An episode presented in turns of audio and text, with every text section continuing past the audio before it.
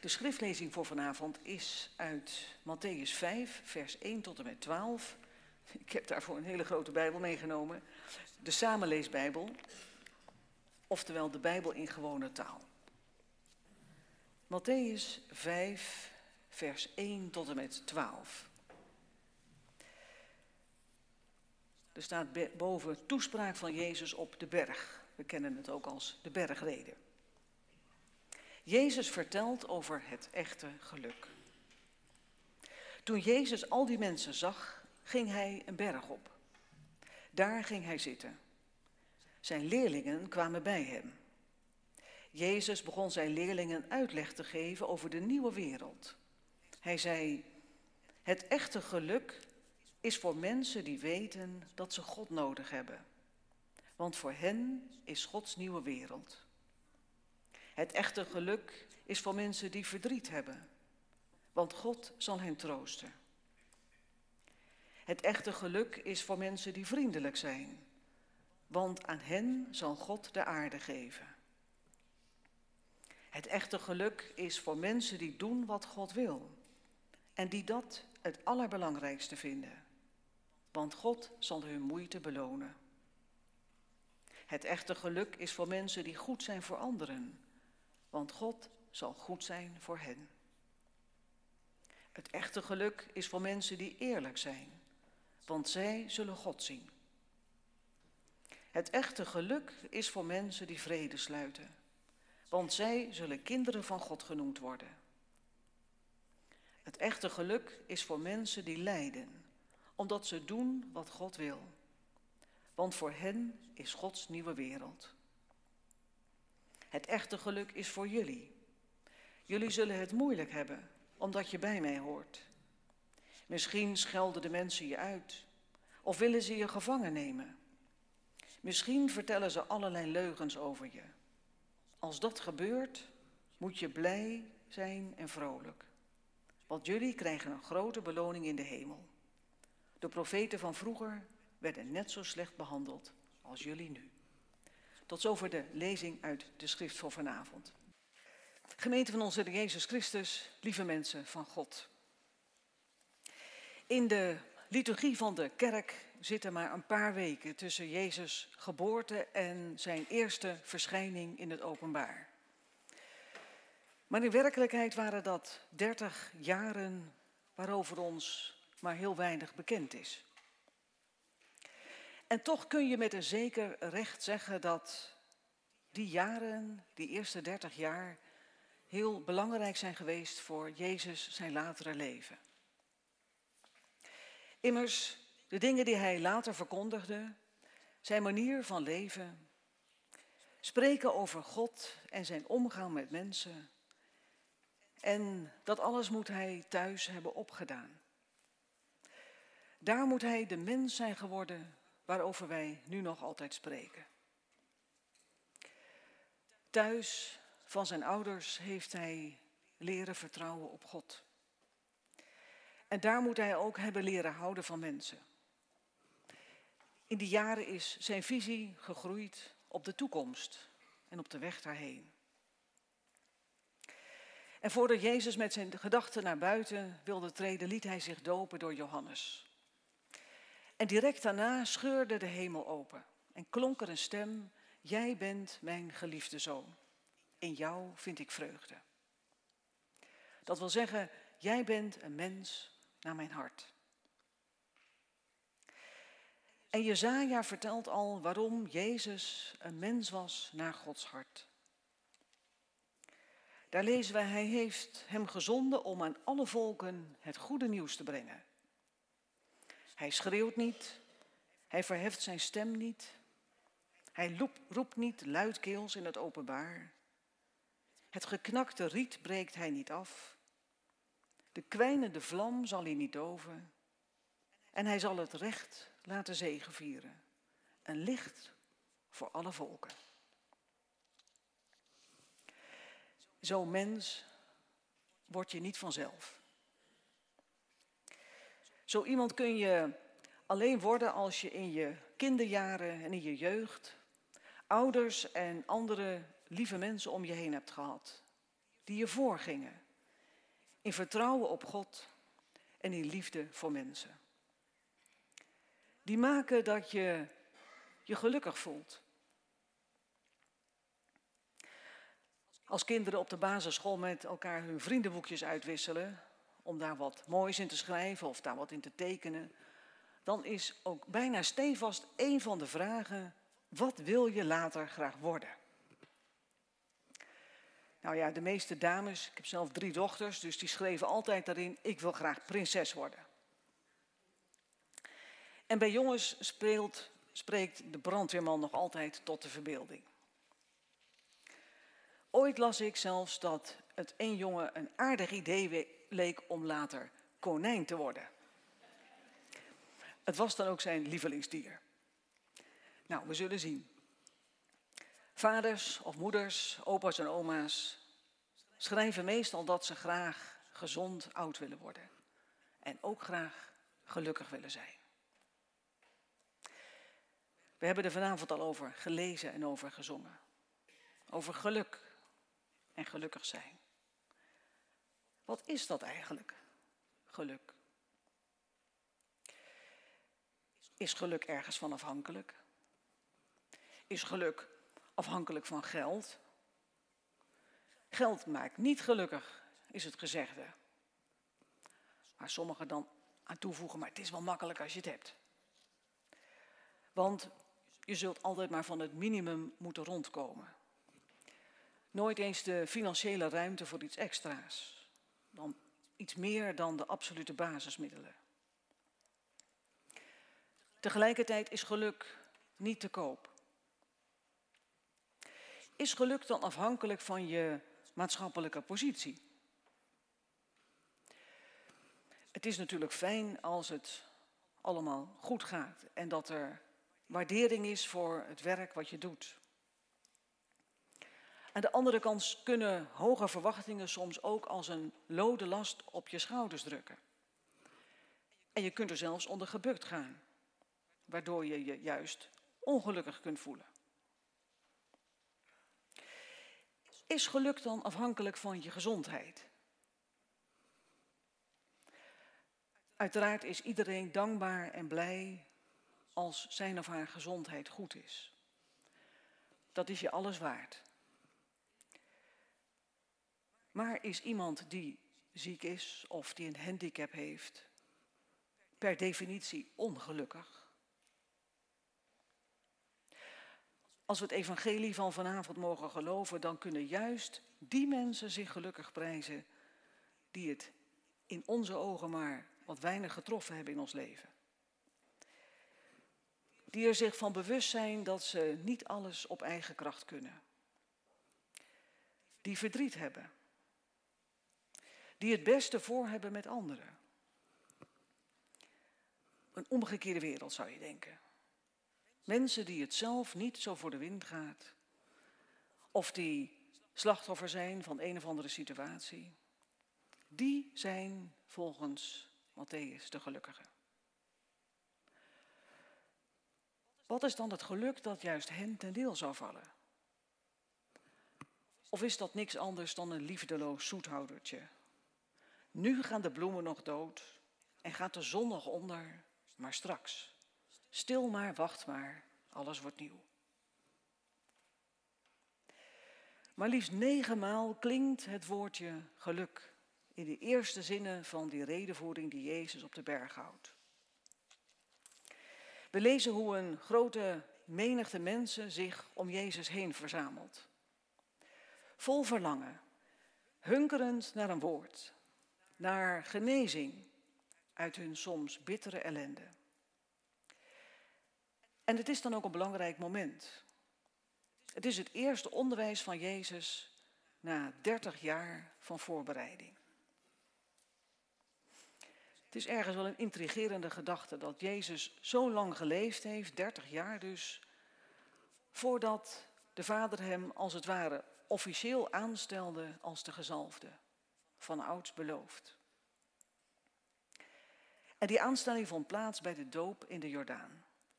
Vanaf dat moment is Jezus zijn werk in de openbaarheid begonnen. En zijn eerste optreden, zogezegd, was de bruiloft te Cana, waarbij hij water in wijn veranderde. En er volgde een tijd dat Jezus leerde in de synagoge en veel zieken genas. En een flinke massa mensen begon hem te volgen, omdat ze hem wilden zien en misschien zelfs even aanraken. Maar toen Jezus de mensenmassa zag, ging hij de berg op. Door de stilte van de bergen op te zoeken, wil Jezus zich opnieuw verbinden met de bron van zijn leven. Met de geest van God. Om zichzelf niet te verliezen in de verwachtingen die mensen van hem hebben. En in dat licht mogen we de woorden verstaan die hij daarna aan zijn leerlingen leert. Alsof hij hen als het ware wil inwijden in de geheimen van het leven. En in de vorige, een van de vorige vertalingen staat dan zo mooi: zalig de armen van geest, want hunner is het koninkrijk. De nieuwere vertaling klinkt misschien wat minder poëtisch, maar er staat wel wat duidelijker verwoord waar het om gaat. Gelukkig wie nederig van hart zijn. Of zoals we vanavond hoorden, het echte geluk is voor mensen die weten dat ze God nodig hebben.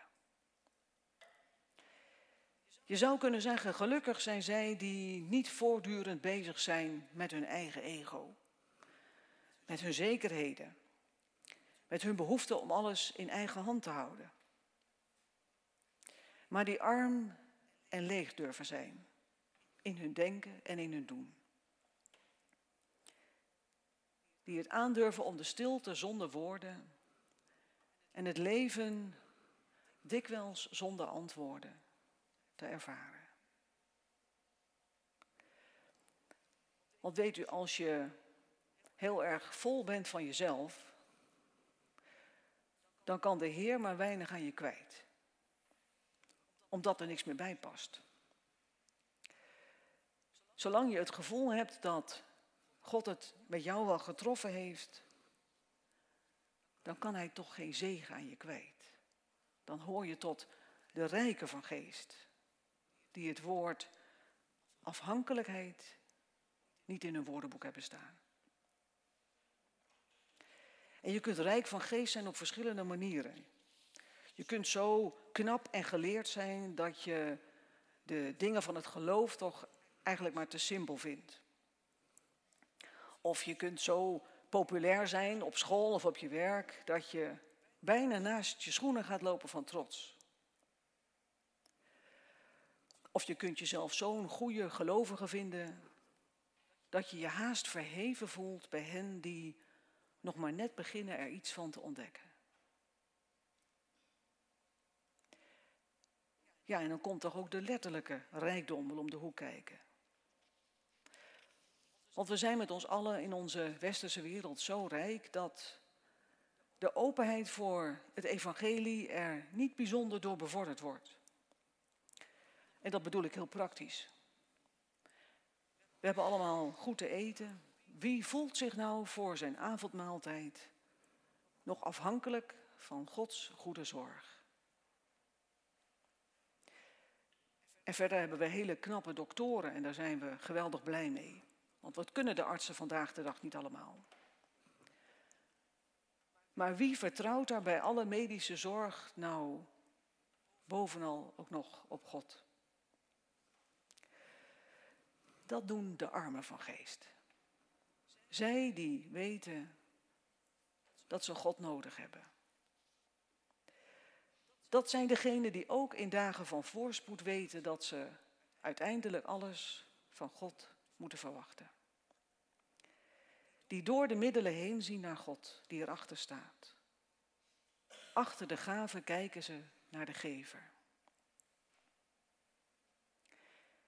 Je komt niet zoveel verder in het evangelie als je je dat niet eigen maakt. Dat we zelf ons eerst leeg moeten maken om vol te kunnen worden van God. En dat we onze lege handen naar God mogen uitstrekken, zodat Hij ze vullen kan. Daar hoort dat besef van afhankelijkheid bij. En dat is niet een besef dat spoort met het denken van onze tijd. Want afhankelijk zijn of je buigen is niet zo populair. We leven in het tijdperk van de zelfontplooiing, de onafhankelijkheid. En dat geldt niet alleen tegenover mensen, maar ook soms tegenover God. Dat we niet afhankelijk willen zijn. Misschien mag ik dat een voorbeeld geven met Mozes, de man van God. Mozes die heeft moeten leren om een arme van geest te worden. Hij was van nature een rijke van geest. Hij had ook alles mee. Door zijn opleiding aan het hof van de farao. Door zijn karakter, dat hem hielp om scherp te onderscheiden tussen recht en onrecht. Hij was van nature een man die van aanpakken hield. En die graag de verlossing van het volk Israël zelf de hand had genomen. Dat bleek al in zijn jeugd. Toen hij zag dat een van de Egyptenaren een van zijn broeders sloeg, toen greep hij in en doodde die Egyptenaar. Zelf zag hij daar misschien al het begin van de verlossing achter. Maar de Heere God liet hem veertig jaar op de schapen passen.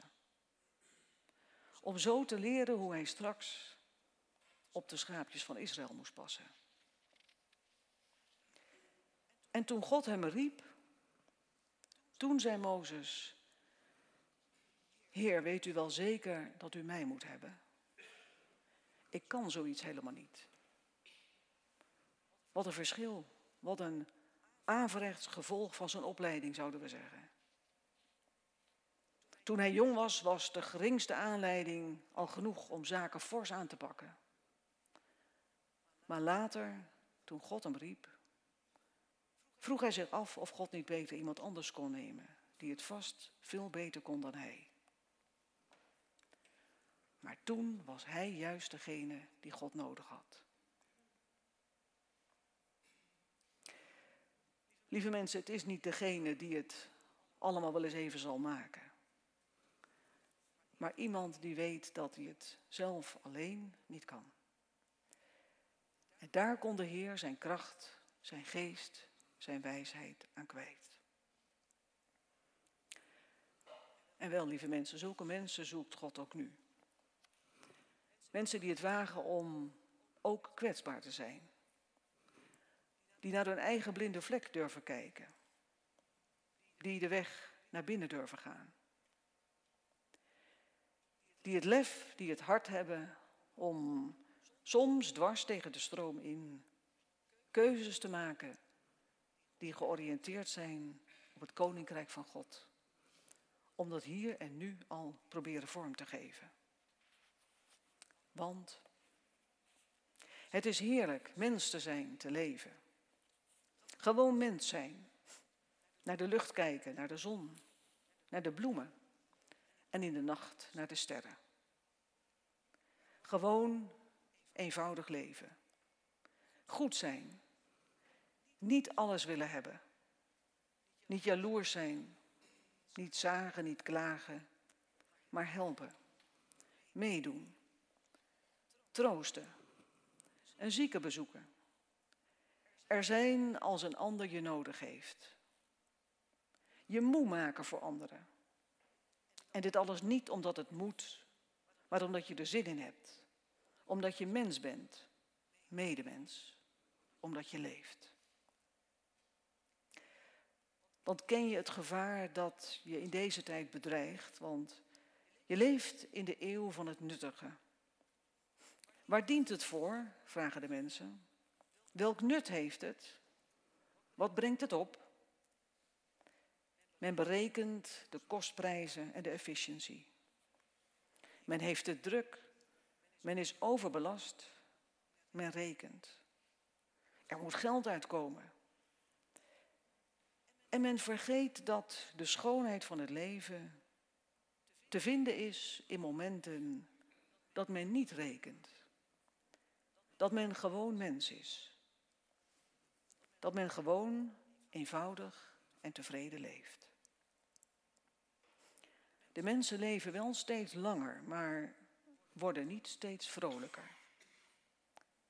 Ze menen nog altijd dat het geluk van een mens erin bestaat veel te hebben, wel doorvoed te zijn en lang te leven. Maar verdedig je. Je bent geen machine. Je bent meer dan je functie, meer dan je beroep, je vak, je werk. Je bent op de eerste plaats mens, om te leven, om te lachen, om lief te hebben, om zomaar een goed mens te zijn. Dat is het enig belangrijke op deze wereld.